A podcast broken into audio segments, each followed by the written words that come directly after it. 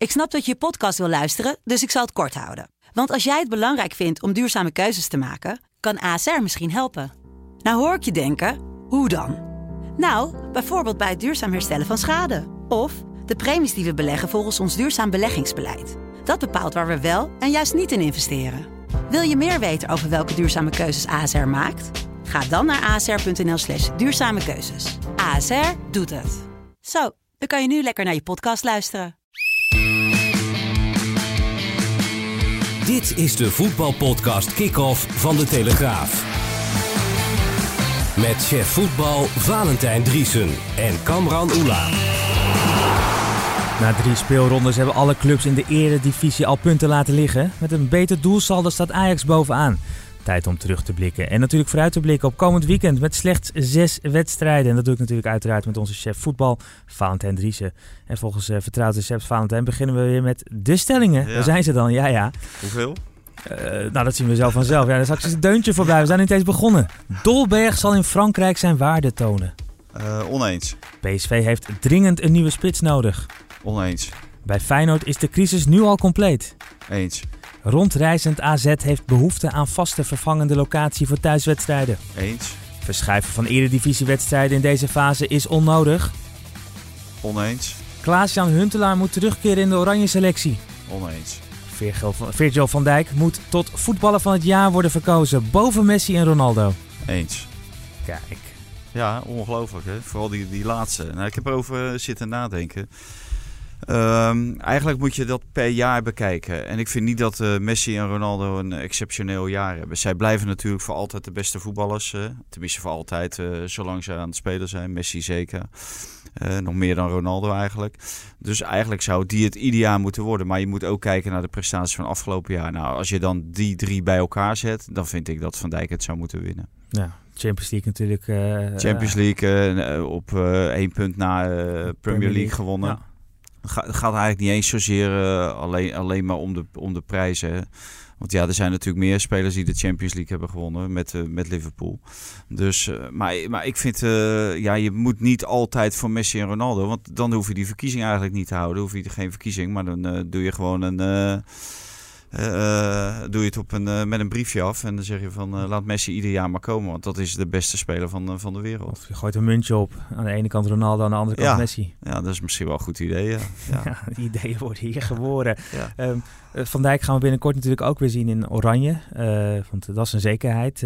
Ronald Koeman zal ongetwijfeld nu bezig zijn met, die, met de voorselectie. Ja, Huntelaar, moet hij moet die terug? Eh, ik hoorde jou net oneens zeggen bij die stelling. ja nou, het, het was, eh, we hebben vanochtend natuurlijk een, eh, een verhaal met Huntelaar. En er wordt de oneens eens, eh, hè, die wordt ook eh, acht of negen stellingen voor de voeten geworpen. En een van die stellingen is van, eh, dat hij weer terug moet naar het Nederlands elftal. En daar zegt hij zelf op. Dan zegt hij natuurlijk eens. Hij zegt, het zou heel dom zijn om oneens te zeggen. Hij heeft nooit bedankt. Eh, en op het moment dat je oneens zegt, dan eh, ziet een bondscoach je zeker niet meer staan. Maar je moet ook kijken van waar zijn ze mee bezig met het Nederlands elftal. En dat is met eh, 2020. Ehm, ja, en, en Klaas-Jan is een reservespeler bij Ajax. En je moet eigenlijk spelers hebben die altijd in de basis spelen. Die natuurlijk goed genoeg zijn. Nou, Koeman eh, heeft eh, de paai nu in de spits. Nou, dus eh, dan zou Huntelaar erachter komen. Maar je moet ook verder kijken. En, Malen wordt waarschijnlijk opgenomen in de selectie. Nou, dan kan Koeman kijken wat, wat, die, wat dat inhoudt. En hij heeft een andere pinch zitten met Luc de Jong. Mhm. Nou, en Luc de Jong die speelt bij Sevilla. Hè, die speelt op het hoogste niveau in, Primeer, of in Spanje. Is basisspeler. Heeft de eerste wedstrijd stond hij in de basis bij Sevilla. En dat, dat is zijn vaste tweede keus. Ja. Ja. dan zou Huntelaar daarvoor moeten komen. Maar ja, dan vraag je af van... Ja, waarom zou Luc de Jong dan moeten afvallen? Ja. Eh, we hebben ook nog Weghorst, hè, die zit er ook nog achter. Die, die scoort aan de lopende band. Eh, Die begint in de Bundesliga weer met een goal, met een winnende goal. Dus ja, dan denk ik niet dat je, dat je Huntelaar eh, ineens op twee moet zetten en eh, Luc de Jong op drie en eh, Weghorst op vier. Nee, want dat de- blijft toch de jeugdige overmoed van de inmi- inmiddels 36-jarige Huntelaar. die Ja, dan- hij doet het natuurlijk geweldig. Ja. Laat daar geen misverstand over bestaan. Want op het moment dat hij invalt, scoort hij. Ik geloof dat hij één goal per 72 minuten maken, maakt. Dat is denk ik het hoogste gemiddelde Ja. van de afgelopen jaren van een spits in Nederland. Ehm, we hebben het niet, niet in de stellingen over gehad, maar natuurlijk vorige week wel uitgebreid, nu we het toch over Oranje hebben. Frenkie de Jong eh, stond in de basis bij Barcelona, verliezend Barcelona. Ja. Ehm, heeft hij zijn basisplaats, uh, gaat hij dat vasthouden, denk je? Ja, dat denk, denk, ik wel. Ik vond hem namelijk helemaal niet slecht spelen. Alleen uh, hij speelde volledig op zeker. En dat kan ik me ook wel voorstellen, zo'n eerste wedstrijd. Hij had niet de behoefte en de drang om zich enorm te manifesteren en profileren in zijn eerste wedstrijd. Wat je bij veel spelers wel ziet. En die gaan dan geforceerd spelen en dan maken ze allemaal fouten. En hij heeft eigenlijk geen enkele fout gemaakt. En uh, het was heel mooi op Ziggo te zien. Die hadden uh, Frenkie de Jong gevolgd met, met beelden. Uh, en dan zag je dat wat in Nederland eigenlijk geen enkele trainer deed. Uh, mandekking, dat deed uh, Atletico Bilbao wel. Garcia die, uh, die stond op hem. En die, die, ja, die volgde hem echt iedere centimeter zat hij op zijn lip. En toch geen enkele keer verloor hij de bal. Ja. hij speelde zich echt continu vrij. Alleen het vervolg was altijd heel neutraal.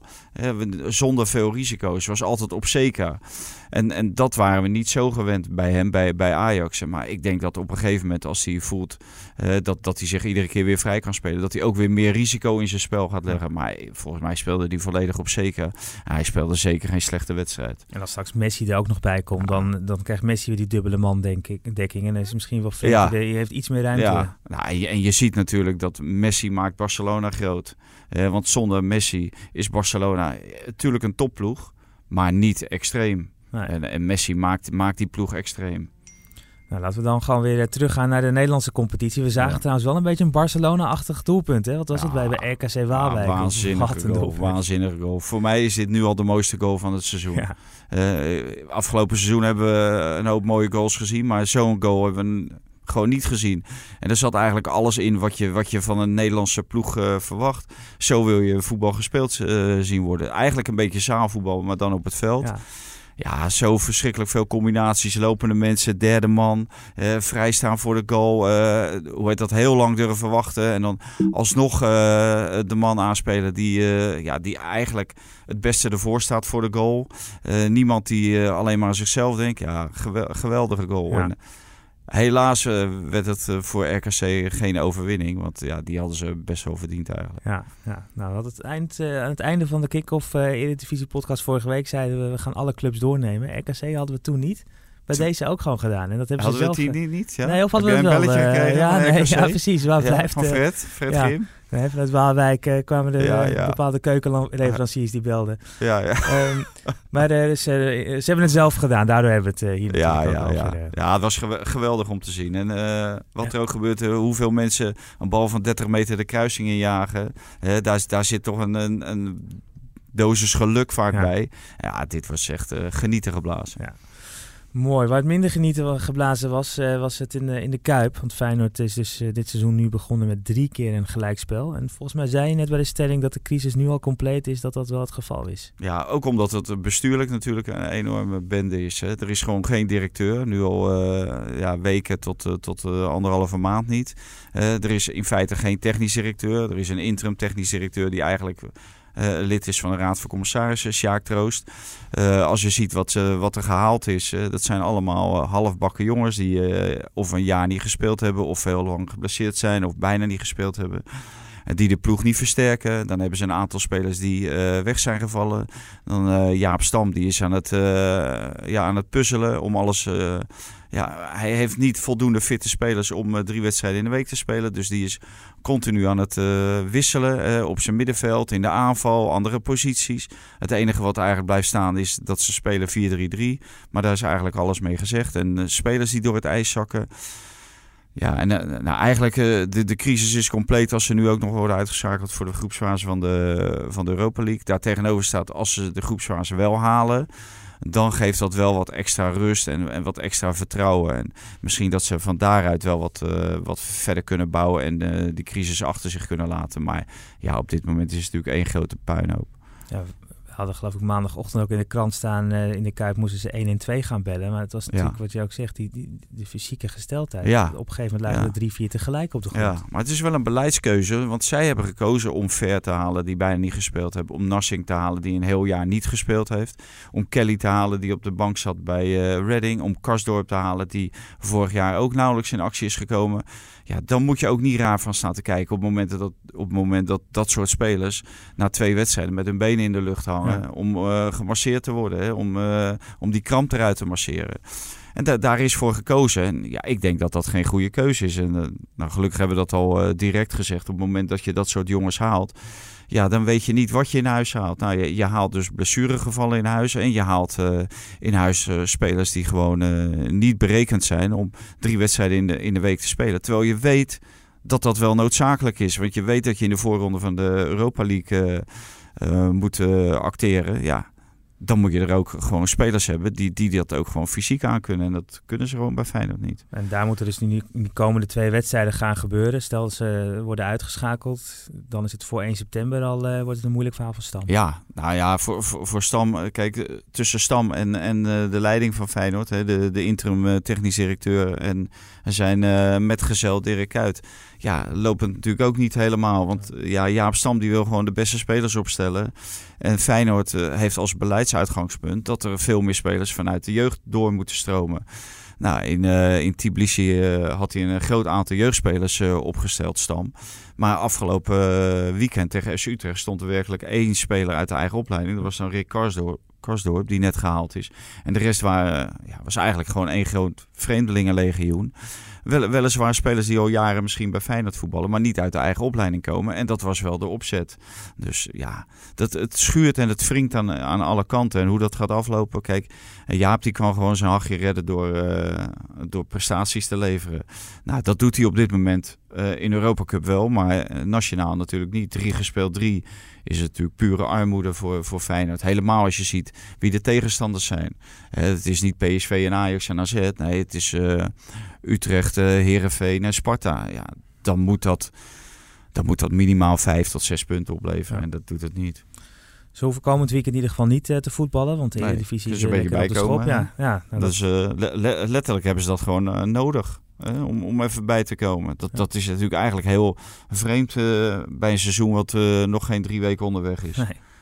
Ja, dat, en, en dus Feyenoord heeft het echt nodig. Maar dus Feyenoord zal wel heel blij zijn. Maar is dit, had dit ook zo moeten zijn? Moet, moet men nu al de, de competitie weer helemaal uh, Nou ja, dat, dat heeft natuurlijk te maken met uh, de, de Europese agenda, de UEFA-agenda.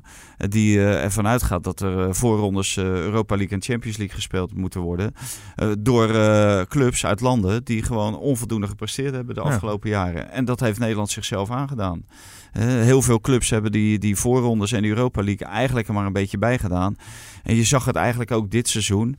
Uh, er is eigenlijk geen enkele club die zich specifiek heeft voorbereid op die voorrondewedstrijden mm -hmm. in, de, in de Europa League. Er is nauwelijks een club die bijvoorbeeld drie weken eerder is begonnen. Uh, maar je weet wel dat je half juli dat je aan de bak moet. Ja. AZ wist half juli dat ze aan de bak moesten. Ja. Het is nu allemaal goed gegaan dit jaar, maar de jaren daarvoor niet. Nee. Er, wordt niet er wordt alleen maar geanticipeerd eigenlijk op de start van de competitie en niet op de start van de, uh, van de uh, voorrondes Europa League en Champions League. En dat moet wel in het systeem komen van de Nederlandse ploegen. Hoe jammer ook, maar die gasten zijn begin mei zijn ze vrij.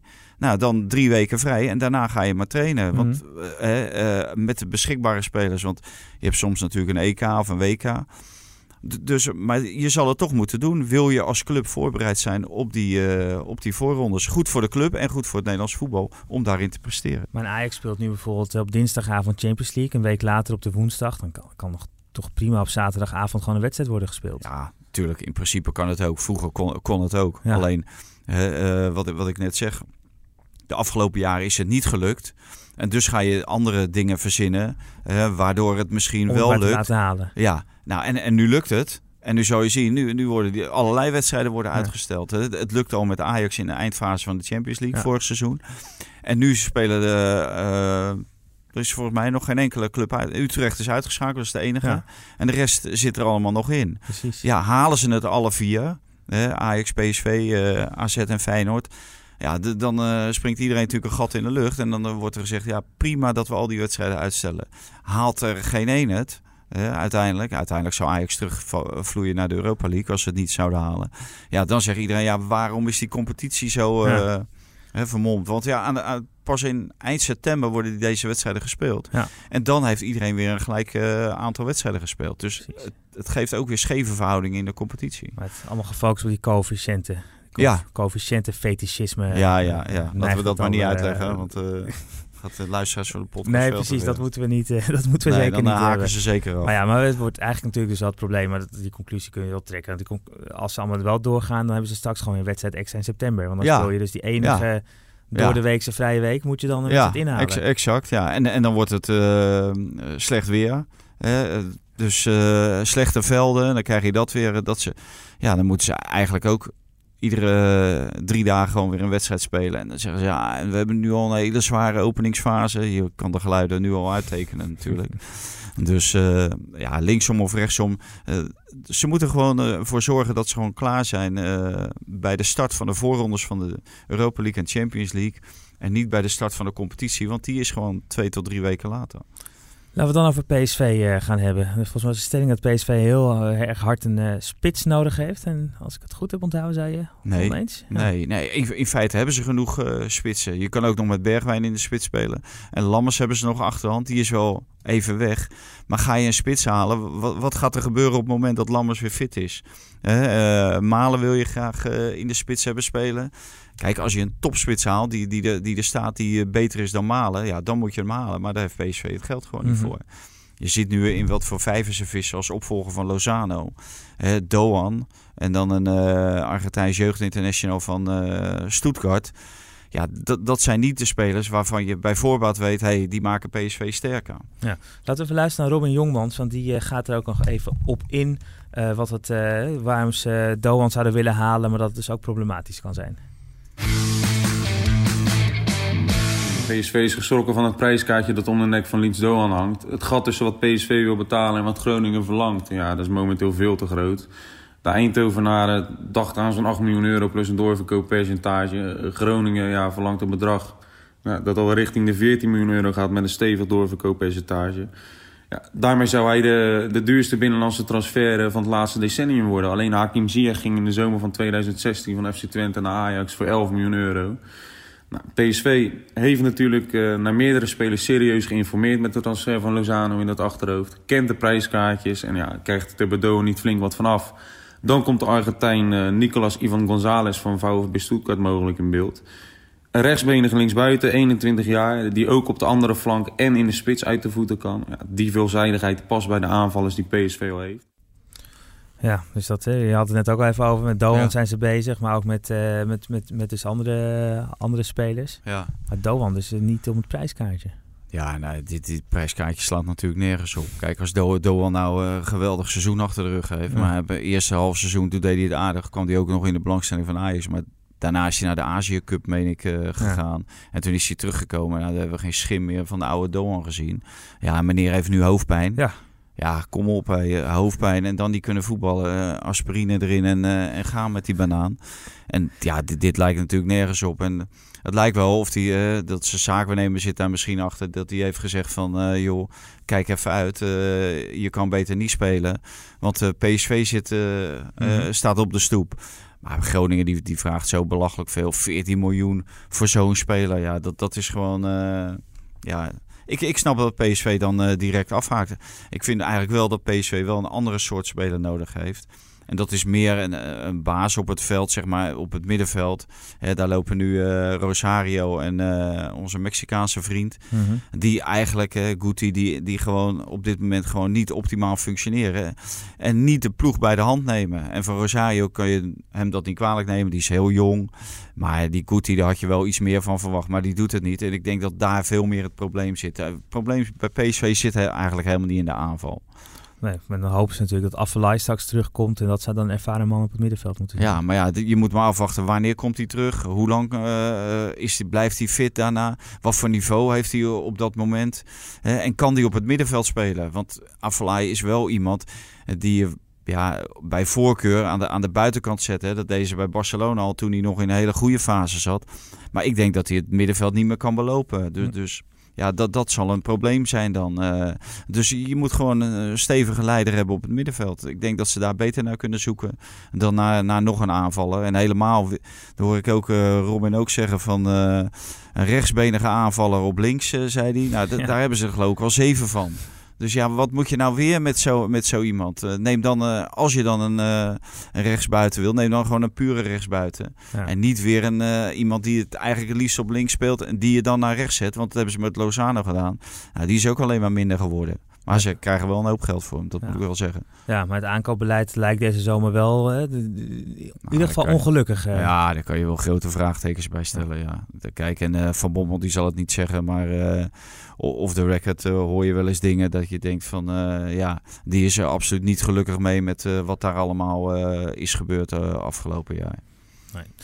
Um, we hadden net al even over Groningen vanwege Doan. Die wist de AZ op 0-0 te houden. Waarmee AZ dus het voor het eerst puntverlies rijdt. Thuis in, in Den Haag. Thuis in Den Haag, ja. Um, uh, jij schreef uh, in je column al dat het, uh, dat, dat rondreizen AZ nog eens sportief ook kan gaan opbreken. Los van dat het financieel natuurlijk ge ja. gevolgen heeft. Nou ja, kijk, dit, dit is al een beetje een, een voorbeeld natuurlijk. Ik, ik weet zeker dat AZ heel anders voor de dag zou zijn gekomen na die Europese wedstrijd in eigen huis dan, uh, dan bij ADO Den Haag. Hè. Dan gaat er meer publiek achter staan. En, maar het punt is, je, wordt continu uit je vertrouwde omgeving getrokken. En uh, een vertrouwde omgeving geeft een speler ook vertrouwen. Hè.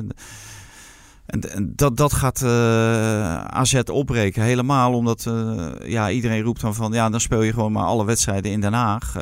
Maar de volgende wedstrijd voor de Europa League spelen ze al in Enschede.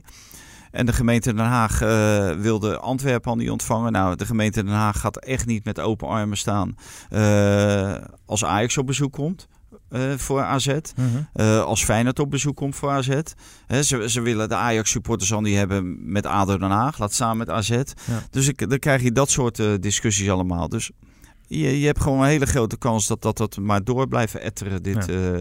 dit probleem. En de hele organisatie van AZ zou hieronder gebukt gaan. Dat, dat kan gewoon niet anders. Nee, en, uh, we, vermoeden al dat het wel een paar maanden kan duren voordat er weer gevoetbald wordt. Maar het kan nog veel langer gaan uh, duren. Dat weet in ieder geval onze verslaggever Jeroen Kapteins ons te vertellen. Sommigen hebben het over een, een heel jaar dat er niet gespeeld kan worden. Er zijn zelfs bouwexperts die zeggen dat een deel van het stadion herbouwd zal moeten worden. Nou ja, dat is moeilijk uh, te bepalen op dit moment wat reëel is en wat niet reëel is. Maar het is wel duidelijk dat AZ daar niet op heel korte termijn weer gaat spelen in het aanvalstadion.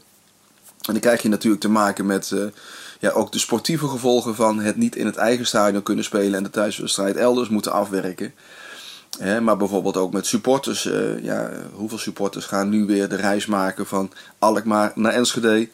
Een reis van 2 uur, 200 kilometer op een doordeweekse dag ja, eh, gaat heel die supporterscharen van 8.500 die er in Den Haag eh, bij de beide wedstrijden was, weer richting Enschede. En ja, thuisvoordeel wordt natuurlijk behoorlijk uitgehold op deze manier. Ja, de busbedrijven die, uh, die zijn spek kopen, want uh, die, die moeten iedere keer al die supporters wegbrengen. Maar de supporters zijn natuurlijk ook echt de dupe uh, ja, van het hele ja, verhaal. Ja, ja, supporters en sponsors ja. natuurlijk. Hè. Die, die betalen allemaal grof geld en die, die verwachten een leuk seizoen in het aanvalstadion. En dat krijg je dan niet. Ja, en, en wat gaan die doen? Hè? Gaan die schadeclaims indienen? Ja, jij kan, je kan als sponsor je mensen misschien niet ontvangen. Niet op de manier waarop jij zou willen. Je kan geen acties ondernemen. Uh, ja, er zit zo verschrikkelijk veel achter. Achter zo'n stadionverhuizing. Uh, ja, waar wij waarschijnlijk ook nog niet eens weet van hebben. En ja, dat, dat weegt. Ik denk dat dat uh, heel zwaar gaat wegen voor, uh, voor AZ. Ja. Alleen ze, ze hebben met Robert Eenhoorn, dat is een man waar ik wel veel vertrouwen in heb als directeur. Die heeft het uitstekend gedaan tot dusver. Die staat ook niet voor niets op de, op, de, op de lijst bij Feyenoord om daar directeur te worden. Dat ze daar wel een hele goede directeur aan hebben om dit in goede banen te leiden. En om alle rust te bewaren. Nou, en uh, het zal een beetje meewerken als AZ gewoon goed blijft presteren. Dan helpt het alleen mee. En uh, als ze zich plaatsen voor de groepsfase van de Europa League, zou geweldig zijn voor de club. Uh, ja, alleen waar gaat ze, gaan ze al die wedstrijden ja. spelen? Dat moeten ze doen tegen Antwerpen, geloof ik, hè? Dat ja, dat is eerst. Nou ja, daarvan zei de gemeente Den Haag al van... Hè, want die, die supporters, dat zijn ook beruchte supporters. Ja. En die hebben geloof ik de binnenstad van Pielsen vorige week onveilig gemaakt ja, die, die, wil, uh, die wil niemand uh, hebben. Maar je, bij de loting moet je afwachten wat er uit, uh, uit ja. de koker rolt. Maar ja, het is, ja, het is echt een triest verhaal is het. Ja, nou, hopen kunnen ze het in Europa dan wel weer goed doen. Waardoor het, ja, en dan hebben ze ook wat financiële armslag. En daar, daar kan je misschien weer allerlei schadeclaims van, uh, van betalen. En het is ook heel onduidelijk wat er met de verzekering, hè, wie is er verantwoordelijk voor, uh, voor dit. Want het Zwarte Pieterspel is wel begonnen. Hè. De, degene die, dus er wordt gewezen naar uh, de, de zonnepanelen op het dak.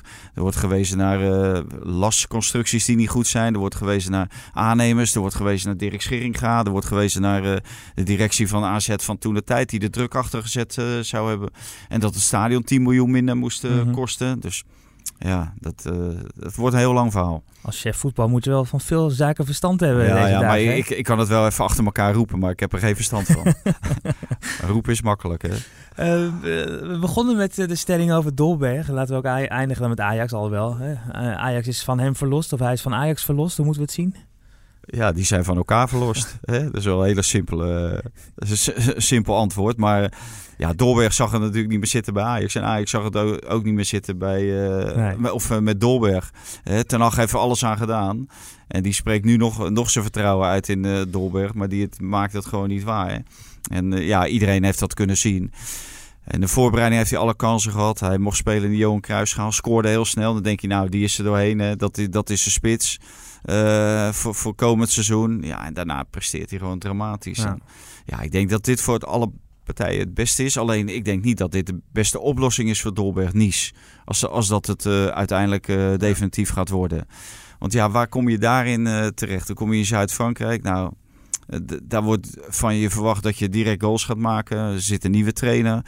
Ik had het uh, verstandig gevonden van het management van Dolberg en Dolberg zelf. Uh, ik weet niet uh, of hij daar nog wat over te vertellen heeft. Dat lijkt, lijkt erop van niet.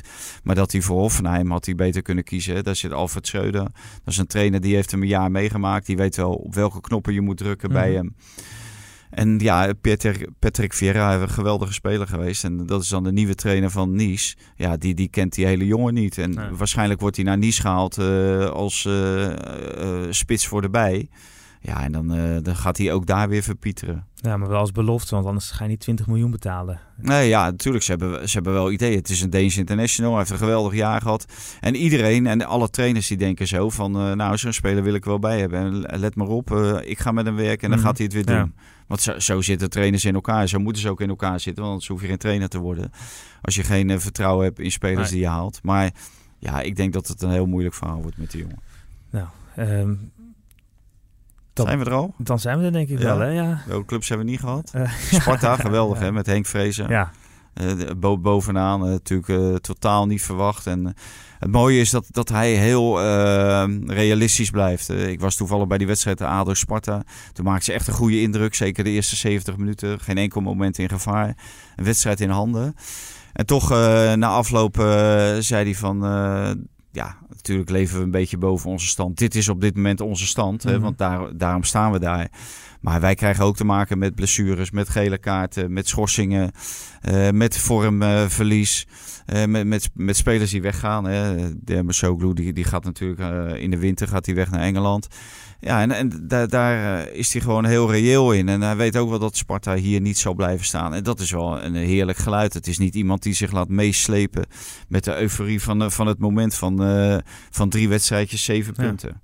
Dus, in, in alle rust het vier even kijken. We hebben, ja, we hebben het niet gehad over Pavlidis, Willem II, spits. Ja, Hebben ze er weer een, hè? ja ongelooflijk. Ja, en die loopt er al een jaar rond. Hè? Dus, Of een half jaar. Eh, die, die is in de winter gekomen en eh, die heeft alleen maar eh, rechtsback of, link, of rechtsbuiten of linksbuiten gestaan. En nu staat hij in de spits en scoort hij Ja. als, als een malle. En ja, dat, dat is toch wel een, een gave van... ja, een gave. Het is ook gelukt natuurlijk van, van die club. Hè? Want ze hadden natuurlijk eerst Frans Sol. Nou, dat, dat was een spits. Ja. Eh, Isaac was een spits. Maar deze jongen is eigenlijk buitenspelen. ja, maar hij neemt dan ook weer de strafschoppen. Dat natuurlijk ook, uh, werkt Ja, ja. lekker mee. dat eh, werkt lekker mee. ja. Ja, ja, Fortuna hebben we niet gehad, maar dat veld, dat, dat moest toch, dat het kan toch niet dat die wedstrijd werd gespeeld. Nee, nee, nee. En het was vorig jaar ook al een keer. En dan denk je van, nou, dat, misschien dat ze in de zomer een betere drainage hebben aangelegd. Of wat extra, extra mannen hebben aangenomen om wat gras te prikken. Met van die rieken. Maar eh, er was geen riek te bekennen in heel Nee, het leek- zit dat Het niet. leek wel een 50 meter schalslag eh, op een gegeven ja, moment. eh. aanvankelijk was het, het leek natuurlijk helemaal nergens op. En, maar die scheidsrechter die, die vond het wel verantwoord om, eh, om Ja. door te spelen. Dus eh, nou ja, Eh, eh, eigenlijk, eigenlijk hebben ze eh, ja, de, de straf daarvoor eh, hebben ze wel gekregen. Want ik denk dat Fortuna ook eh, gebaat is bij een veld waarop je wel lekker kan Lijkt me spelen. ook, ja. Ja.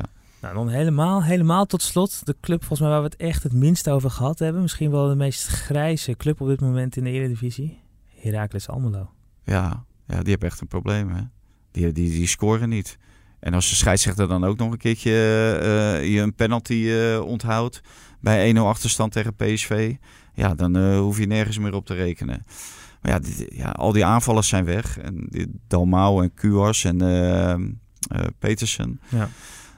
Dus ja, dat, dat wordt echt een heel lastig verhaal. En je kan vaak een, een, ranglijst maken met met de spits. En dan kijk je hoeveel doelpunten de spits en de rest van de aanvallers maakt. En wie dan het hoogste eindigt, die eindigt ook vaak het hoogste in de, in de ranglijst. En ja, bij, bij Heracles staan ze dan echt heel laag genoteerd. Dus Misschien dat er uh, in de rest van de, deze transferperiode nog iets gebeurt. Maar die hebben wel dringend behoefte uh, aan, aan een, uh, een scorende spits. En niet aan Cyril Dessers, die gewoon veel te weinig scoort. Maar we gaan nog even door met de Champions League. Want Ajax die speelt vanavond, dinsdagavond, tegen Apel Nicosia. Laten we meteen even gaan luisteren naar Mike Verwij. Die is ja, via München helemaal naar Cyprus afgereisd. En, en zag er eigenlijk een hele ontspannen Ajax-selectie. Door het schrappen van Ajax Fortuna Sittard van komende zaterdag kan het elftal van Erik ten Hag zich volledig focussen op de laatste horde voor de Champions League. Apoel Nicosia. En de Amsterdammers hebben de geweldige flow van vorig seizoen, met de dubbel en de halve finale, nog altijd te pakken. Komt er snel positief nieuws over Donny van der Beek, dan staan, met al bijna 60 miljoen euro aan investering in de selectie die al vroeg op orde was, helemaal alle seinen op groen voor weer een prachtig seizoen. Maar eerst zal Apoel Nicosia moeten worden gevloerd. Volgens de kenners een minder moeilijke opgave dan het elimineren van PAOK Saloniki in de vorige ronde. Dat was volgens Erik ten Hag ook de moeilijkst denkbare loting. Apoel Nicosia mag geen probleem zijn. Nou, ik zit hier gelukkig ook met een kenner tegenover me. ja, Hoep maar ja. Nee, ja, ik denk dat Mike helemaal gelijk heeft. Ik denk ook dat het geen probleem mag zijn. Mike heeft het over de kennis, dus ja. Nee, het, het klopt. Uh, Pauk, die stond in die clubcoëfficiënt net achter Ajax. En uh, Apoel Nicosia stond er mijlen ver achter Ajax. Dus, ja. dus dat, dat moet normaal gesproken moet dat, uh, geen probleem zijn. En ja, wat, wat we, tenminste wat ik van beelden heb gezien, uh, ja, was ik ook niet echt van onder de indruk. Uh, het is een verschrikkelijk effectieve ploeg, want ze hebben geloof drie kansen gehad tegen Karabach in de vorige ronde. En uh, drie goals gemaakt. Ja, daar moet je dan wel voor oppassen dat je niet te veel kansen weggeeft. Maar gaat ze dat nog een tweede ronde of een tweede keer lukken? Dat, dat geloof ik niet. En Ajax is ook niet op zijn best hoor op dit moment. Uh, het midden, middenveld, uh, ja, dat loopt gewoon nog niet. Die automatismen zitten er nog niet in. Uh, ze weten nog niet van elkaar wat ze doen. hij is ook nog zoekende. De ene keer speelt Marine en dan speelt Marine niet. nou ja, de enige vaste constante is eigenlijk Donny van der Beek en dan Daily Blind. Nou ja, en daartussen speelt Mar Marine. Hmm. Ja, en, en dat moet, moet goed op elkaar afgestemd zijn. En dat is het gewoon nog niet. Maar desondanks heeft Ajax zoveel individuele kwaliteit. Ja. Uh, nou, we hebben Huntelaar uh, als, als invallerspits. Ja, wie wil zo'n invallerspits niet? Ja. welke club wil dat niet? En Tadic hebben ze dan, die Res, Ziyech. Ja, Martinez die een uitstekende ontwikkeling maakt achterin. Die Argentijn. Ja, want Alvarez is nu, heeft nu gedebuteerd. Is voor het ja. ingevallen. Maar eigenlijk ja, krijgt Martinez er maar uit, zou je bijna zeggen. Ja, ja, ja. Nou ja, het, Alvarez zal uh, het moeten uitknokken met Per Schuurs, denk ik, uh, hm. voor rechts centraal. En uh, Alvarez heeft nu al gezegd dat hij het liefst eigenlijk op het middenveld wil spelen. Nou ja, daar, daar speelt Daley Blind. Nou, dan, zou, dan moet hij helemaal gaan puzzelen. Dan zou die Daley Blind naar achteren moeten halen. En wat, wat moet er dan met Martinez gebeuren? Nou, ik, ik denk dat Alvarez gewoon de, de concurrentie aan moet gaan met, met Schuurs. En uh, Schuurs maakt voor mij ook echt een prima indruk. Nou, hij heeft dan één wedstrijd heeft hij hem eruit gehaald. Vorige week tegen PAOK thuis. Maar tegen VVV stond hij er weer. Ik ben benieuwd of hij nu ook in, of, op Cyprus ook weer, weer speelt. Maar ja, het middenveld vind ik nog wel een, een zorgenkindje. En de rest staat eigenlijk wel. Ja. Um, dus die eerste wedstrijd op Cyprus, daar moet het eigenlijk gewoon al beslist zijn. Nou, daar moet je het wel kunnen beslissen. Daar moet je minimaal één of twee keer scoren. En, en Ajax scoort eigenlijk altijd en overal. Uh, dat hebben we vorig jaar ook in de Champions League gezien bij de, bij de grootste tegenstanders. Uh, Real Madrid, Juventus, Spurs, overal werd gescoord. Eh, er werd gescoord in, eh, in Griekenland. Ja, er gaat ook gescoord worden in, eh, in Cyprus. En dan, ja, dan moet de return moet een formaliteit zijn. Maar dan moet je natuurlijk wel uiteindelijk voor zorgen dat zij niet scoren. Want dat was het zelfs, wat is het, tegen VVV gaat het, vliegt er nog even eentje in in de Ja. laatste minuut. Tegen PAOK vliegen er natuurlijk gewoon Precies. twee in. eh PAOK uitvliegen erin. Het zijn van die fases dat zij gewoon ja, toch minder scherp zijn. En dat de organisatie gewoon niet goed staat. En PAOK die, die, die vergat er ook nog een paar keer eh, eh, meer eh, af te straffen. Want op een gegeven moment liepen ze met z'n drieën op één ajax en de keeper af. Nou ja, dan mag je toch wel verwachten dat er tot een doelpoging kwam. Maar zelfs dat lukte ze niet. Maar ja, dat zijn momenten, die zijn je niet noodlottig in deze fase van, van de Champions League. Maar die worden in de groepsfase en dan later in de knock-out fase... Ja, kan dat natuurlijk heel erg snel eh, eh, betekenen einde verhaal in de Champions League. Nou, we gaan het eh, zien. Ja, ik heb het- alle vertrouwen in. Kijk, dat is in ieder geval altijd een? Dat is gerustgevend. Ja, Of rustgevend. hè? ik ja. ga vanavond niet kijken, denk ik. Het, Ja. het, het, Ja, ik ook. Het, het, het zit, nee, ik zei niet kijken, want het Oh, zit niet? snor. Nou ja, Oh, het ja, is, maar ik ben zo ge- gerustgesteld. Ja, ja, ja, Ja. ja. ja, maar we kijken ook voor het mooie voetbal. Ah ja, Kijk, en dat, dat is wel, dat staat Ajax wel voor. Ze willen, willen ook op een Ajax-manier dit soort wedstrijden winnen. En ja, dat, dat vind ik altijd eh, mooi van Nederlandse eh, ploegen. En van Ajax en het Nederlands elftal. En ook, ook eh, wel in iets mindere mate van PSV en Feyenoord. Dat we het allemaal wel op onze eigen manier Ja, willen doen. En, Voetballend. ja, Ja. En, en dan kunnen we terugkijken kijken naar RKC. Kijk, als hij zo'n goal scoort in Europees verband, en dan gaat hij echt de wereld over. Hoor. Dus hopelijk heeft Ajax ook goed gekeken. Dus Ajax moet eigenlijk Goed leren van RKC. eh. Ja, ja, Ajax in dit geval leren van RKC en van eh, hun oudkeeper eh, Fred Grim. Ja, nou ja. We gaan het, we gaan het zien. want volgende week dan zijn we er weer met een, met een, een nieuwe podcast. Dan zit hier weer Pim CD Ja? tegenover. Ja, dit is ook me heel goed bevallen. Pim mag best Ja. wel een paar weken op vakantie blijven. Nou, dat, eh, Pim luistert altijd braaf. Dus eh, die is de hele zomer al stelling aan het bedenken. Dus ik ben benieuwd waar die volgende week mee komt. Ja, er maar niet zoveel zijn als eh, waar jij iedere keer mee komt. Nee, dat is waar. Eh, dank voor het luisteren. Tot volgende week.